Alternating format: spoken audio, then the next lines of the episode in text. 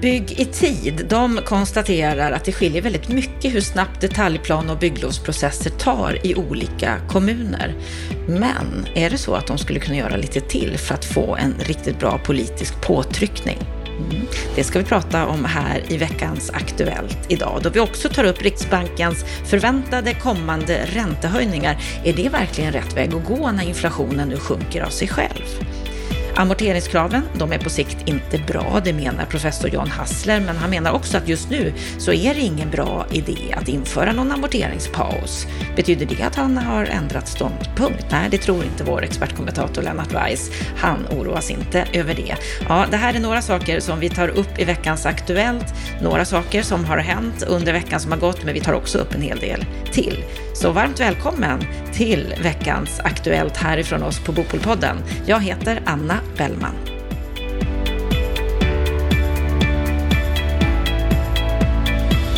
Vi börjar veckans Aktuellt med att Bygg i tid i veckan presenterade sitt nya ledtidsindex där de har undersökt hur lång tid detaljplaner och bygglovsprocesser tar i olika kommuner. De har undersökt 48 kommuner som representerar 56 procent av befolkningen och de har konstaterat att ledtiderna de skiljer sig åt väldigt mycket. Samma process som tar tre år i Gävle, som är den snabbaste kommunen, den processen tar 6,6 år i de sämsta kommunerna. Lennart Weiss, är du förvånad över att det är så här stora skillnader i kommunerna? Inte alls. Jag tycker det bekräftar någonting som vi så att säga på anekdotisk nivå har vetat ganska länge. Men nu har vi visshet och det är väldigt bra. Det är bara att eh, göra kepsen av för Nancy Mattsson och JM som har tagit det här initiativet. Det här tillför väldigt mycket viktig data, fakta till en debatt som eh, ibland kan ta karaktär av pajkastning mellan kommuner och, och eh, aktörer inom branschen.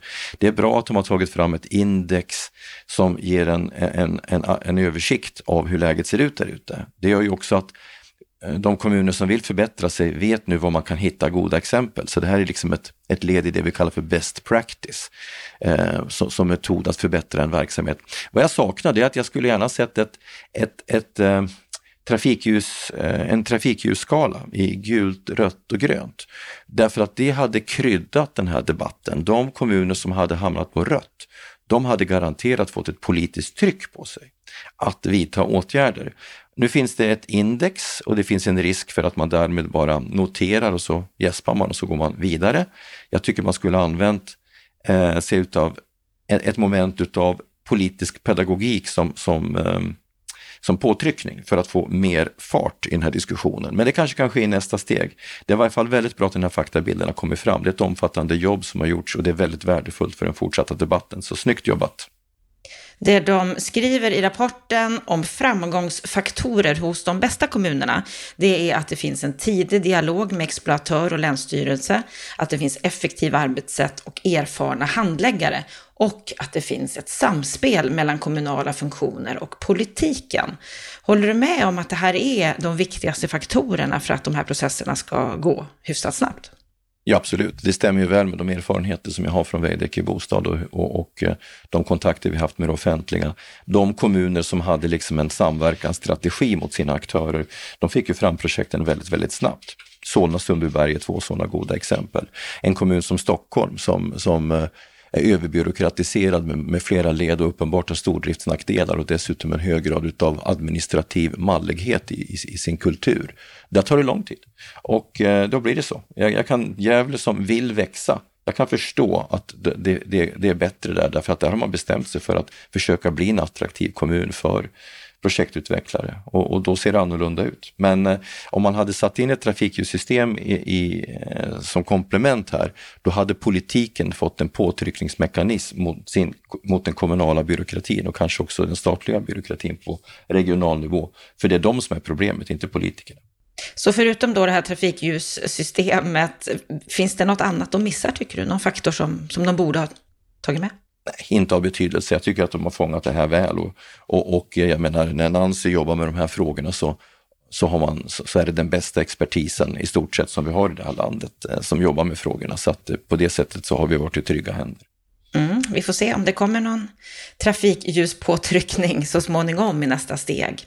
Vi ska gå vidare till konjunkturprognosen som Swedbank kom med i veckan, en dyster sådan. De tror nu på negativ BNP-tillväxt både det här året och för 2024. I april så trodde de på en tillväxt om 0,3 procent för 2024, men nu har de vänt och tror på en minustillväxt på 0,3 procent.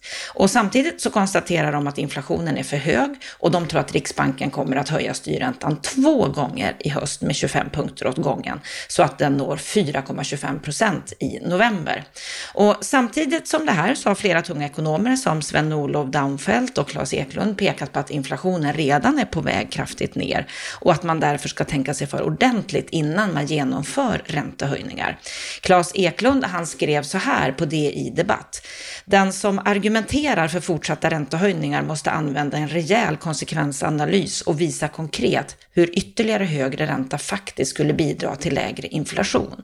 För vad är vitsen med att ytterligare trycka ner sysselsättning och produktion för att bekämpa fjolårets inflation när dagens inflation faller av sig själv? Ja, vad säger du om, det här, Lennart? Det här inlägget som Claes Eklund har gjort är extremt viktigt eh, och jag menar, låt oss förstå vem Claes Eklund är. Det, det är liksom det är ekonomkårens grå eminens. Han är nu mera kring 70 år. Det finns ingen som är så produktiv, skriver så mycket, analyserar så mycket, är så vass i sin argumentation och intellektuellt skarp som han, som sitter utanför de etablerade strukturerna på Riksbanken och Finansinspektionen. När han borrar i det här och tar fram en ny faktabild, då har det betydelse för debatten. Jag är inte alls förvånad att, eh, att eh, Svensk Näringsliv och deras ekonomer är på samma linje, därför att de tittar ju på de här frågorna utifrån ett näringslivsperspektiv och är naturligtvis enormt oroliga över att vi håller på att dra ur proppen, ur konjunkturen. Hittills har man haft en överslätande attityd till de här problemen, så att säga den ekonomiska utvecklingen med hänvisning till att sysselsättningen fortfarande är hög och till och med har fortsatt öka, arbetslösheten och minskat. Men det finns ju en väldigt stor risk för att det vänder nu.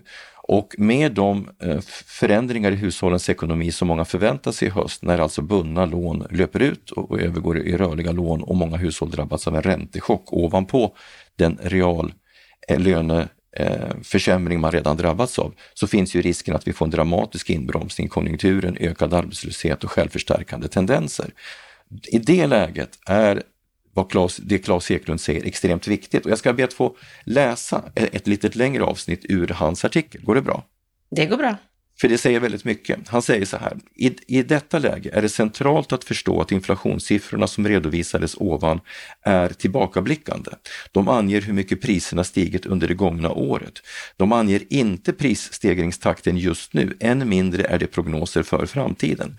Att 12 månaders eh, Talen, fortfarande höga, avspeglar framför allt att priserna steg snabbt under fjolåret. I takt med att stora mån månadshöjningar 2022 faller ur statistiken och ersätts av Eh, små höjningar 2023 kommer den uppmätta inflationen att fortsätta ner. Den processen pågår nu.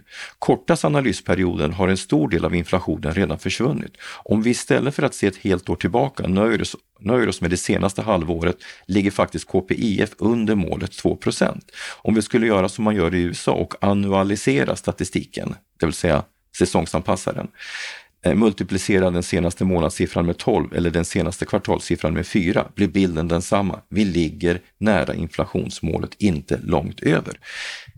Detta är ju en extremt viktig information för diskussionen. Ska vi alltså basera viktiga beslut på tillbakablickande, egentligen obsolet information eller på det faktiska läget? Det finns en uppenbar risk att de med sedvanlig halsstarrighet på Riksbanken kommer att höja både en och två gånger och skicka konjunkturen rakt ner i botten. Bostadsbranschen har de redan, alltså developerbranschen, fastighetsbranschen, har man redan lyckats skicka ner i källaren och är en så akut kris att omvärlden straffar den svenska kronan med dramatiska eh, fall och försvagning utav, och, och som i sin tur då förstärker inflationen. Ska man fortsätta skicka den här typen av, eh, vidta den här typen av policyåtgärder som skickar den här typen av signaler som leder till fortsatta problem, ja då får vi en självförstärkande spiral och det vore väldigt allvarligt. Så att det är bara att hoppas att man lyssnar på Down, Eklund och andra och drar i handbromsen. Detta är inte läget att eh, förstärka en redan pågående konjunkturnedgång. Mm, det är ju som att receptet alltid är hög inflation, höj räntan. Ja, och det visar ju att eh, Eklunds analys visar ju att man inte förhåller sig till den dagsaktuella situationen och agerar på ett dogmatiskt sätt, ett stereotypt sätt. Och det är bekymmersamt när vi nu har en självständig riksbank. Jag, jag skulle säga att det här undergräver undergräver förtroendet för den förändring vi gjorde av Riksbankens ställning i slutet på 90-talet. Och det tror jag de också borde, borde beakta. För jag har träffat så mycket politiker att jag vet att det finns ett morrande och stigande, en stigande irritation mot Riksbankens, ska vi säga, intellektuella trångsynthet. Mm. Vi får se om de lyssnar på experter och vad som händer i höst. Två räntehöjningar är det ju troligt att det då alltså kan bli.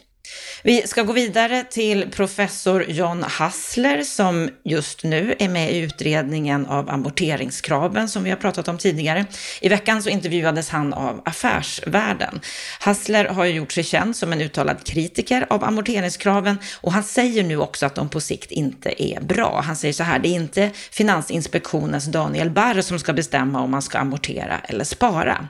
Men Hassler säger också att det är ingen bra idé att införa en amorteringspaus nu.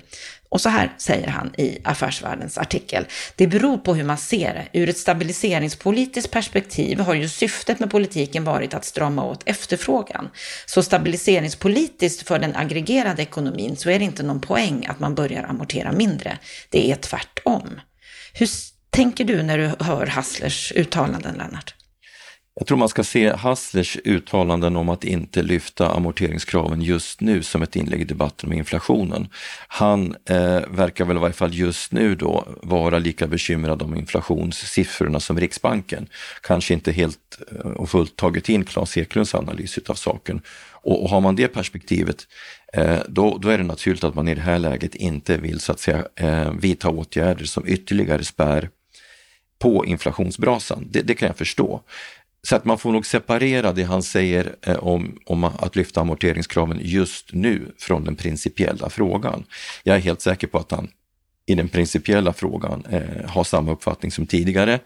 Jag vet ju att han Mm, han analyserar ju de här frågorna synnerligen faktabaserat. Han vet hur hushållens tillgångar ser ut i förhållande till skulderna, räntebetalningsförmågan, hur skulderna i Sverige relaterar till andelen hushåll som finansierat bostadsköp med bolån och så vidare. Och vet att utifrån sådana internationella jämförelser, men också vanlig så att säga, balansräkningsanalys, så är inte svenska hushåll på aggregerad nivå en, en systemrisk där finns hushållsrisker, men det är, inte, det är liksom inte Finansinspektionens sak att bedöma om enskilda hushåll kan drabbas av problem. I så fall borde de ge sig på eh, så att säga, konsumentkrediterna och det har vi sagt många gånger här i veckans Aktuellt. Men någon systemrisk utgör inte hushållens skulder. Och då måste jag få vidga det här eh, återigen, va? därför att vi som har funnits i den här debatten i snart 10-15 år har påpekat att hushållens risker är så utspridda, de är så fragmentiserade att att, att, att de skulle utgöra en risk på systemnivå, det är närmast uteslutet. Däremot så finns det risker i den kommersiella fastighetsmarknaden och det har vi påpekat. Och det insåg myndigheterna väldigt sent. Här har Riksbanken nu bidragit till en retorik om att det finns väldigt stora risker i hushållssektorn och den kommersiella fastighetssektorn så till den grad att internationella investerare tror att Sverige är i kris och det är det som bidrar till att den svenska kronan nu är så svag. Så här kan man se ett exempel på hur Riksbankens egen illa underbyggda retorik nu biter aktiebolaget Sverige i svansen. Och det är väldigt allvarligt. Det visar återigen vad som händer när man har sådana chefer som Stefan Ingves på toppen som agerar egocentriskt och halsstarrigt istället för ett faktabaserat och ta in den kunskap som finns i industrin. Det här har fastighetsvärderade transaktionsanalytiker och många av oss andra sagt i 10-15 år. Nu börjar faktabilden framträda. Vad, vad Hassler står, det behöver vi nog, vi nog inte tveka om, så vi kan gå vidare.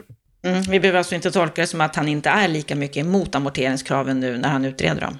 Överhuvudtaget inte. Mm, då går vi vidare till en debattartikel i DN där Elithus grundare Mischa Istratov skriver att man inte borde ge rivningslov så lättvindigt som idag. Rivning och nybyggnation ger ju större klimatavtryck än renovering och han menar att kommunernas handläggare borde göra platsbesök och komma med råd om hur man kan bevara byggnaden innan man river. Han skriver så här. Jag är övertygad om att man i många fall kommer att finna potential för ett hållbart boende med rätt typ av av renoveringsarbeten och till en avsevärt lägre kostnad jämfört med nyproduktion. Hur ser du på det här? Svårbedömt, eh, men samtidigt kan man säga mycket möjligt. Om man, om man, om man skulle ta den här frågan i kontexten utav eh, av de massiva rivningarna på Norrmalm på 1960-talet så har ju Karn helt rätt. Det, det förstördes ett enormt eh, fastighetskapital, arkitektoniskt kapital som aldrig går att återskapa. Så det är klart att eh, sett i ett sådant historiskt perspektiv så har ju han helt rätt. Sen måste man ju titta på det här på den enskilda fastigheten också. Det är klart att det finns fastigheter som är så uselt skick att det är bättre ekonomi utifrån funktionskrav och så vidare att, att riva. Men det finns ju en miljöaspekt på det också och nu när vi mer och mer jobbar med livscykelanalyser så måste man ju ta in den aspekten. Vad är kostnaden för att riva, så att säga omvandla ännu mer natur till avfall, vilket ju blir fallet när vi bygger nytt. Så att eh, såvida man inte kan cirkulera material i de gamla byggnaderna som rivs så tycker jag att det han säger skulle kunna vara en utvärderingskomponent, men det får inte heller bli så att beslutet om kommersiella, alltså att, att, att den som fattar beslut i kommersiella frågor sitter på kommunen och inte på det, hos den som äger fastigheten. Det får inte bli så heller, utan det måste i så fall vara en kvalificerad rådgivning. Mm. Vi ska gå vidare till en rapport ifrån Handelsbanken när det gäller bostadspriserna. Man tror nu inte att bostadspriserna ska falla mer. Under de senaste månaderna så har ju prisfallet stabiliserats och bland annat Robert Boye på SBAB, han trodde nyligen att fallet skulle ta fart till hösten. Men nu skriver Handelsbankens ekonom Helena Bornevall så här. Vi höjer vår prognos för bostadsprisutvecklingen och räknar inte med något ytterligare prisfall. Samtidigt räknar vi med att det höga kostnadstrycket fortsätter tynga hushållen och att bostadspriserna kommer att öka långsammare än inkomsterna de närmaste åren. Förutom mäklare, andra som talar i egen sak, så kanske man kan säga att Helena Bornevall är en av de första som är positiva till prisutvecklingen framåt. Vad, vad säger du Lennart? Det är väldigt svårt att bedöma. Eh, fundamentalt så, så förändras priserna utav eh, hushållens köpkraft och, och, och där har ju Eh, Veidekke tillsammans med evidens under en lång rad utav år följt prisutvecklingen baserat på sådana, ska säga, faktamässiga variabler. Och utifrån de analyserna så borde bostadspriserna falla något, i synnerhet om, om den räntehöjning vi fick i juni följs utav ytterligare två.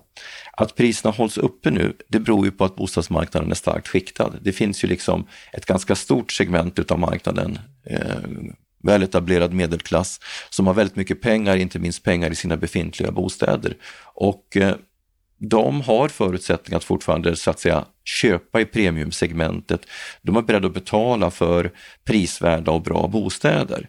Men i den stora volymmarknaden så sjunker ju volymerna helt enkelt därför att folk inte är beredda att sälja med det de betraktar som en förlust, i varje fall utifrån den mentala ribba de har för, för vad priserna borde vara. Så att eh, Eh, och därför är det svårt att dra säkra slutsatser just nu. Lågt utbud innebär att priser inte förändras lika mycket. Ehm, jag tror nog själv att, att jag lutar nog mer åt SBABs eh, analys, att priserna kommer att sjunka något, men inte dramatiskt.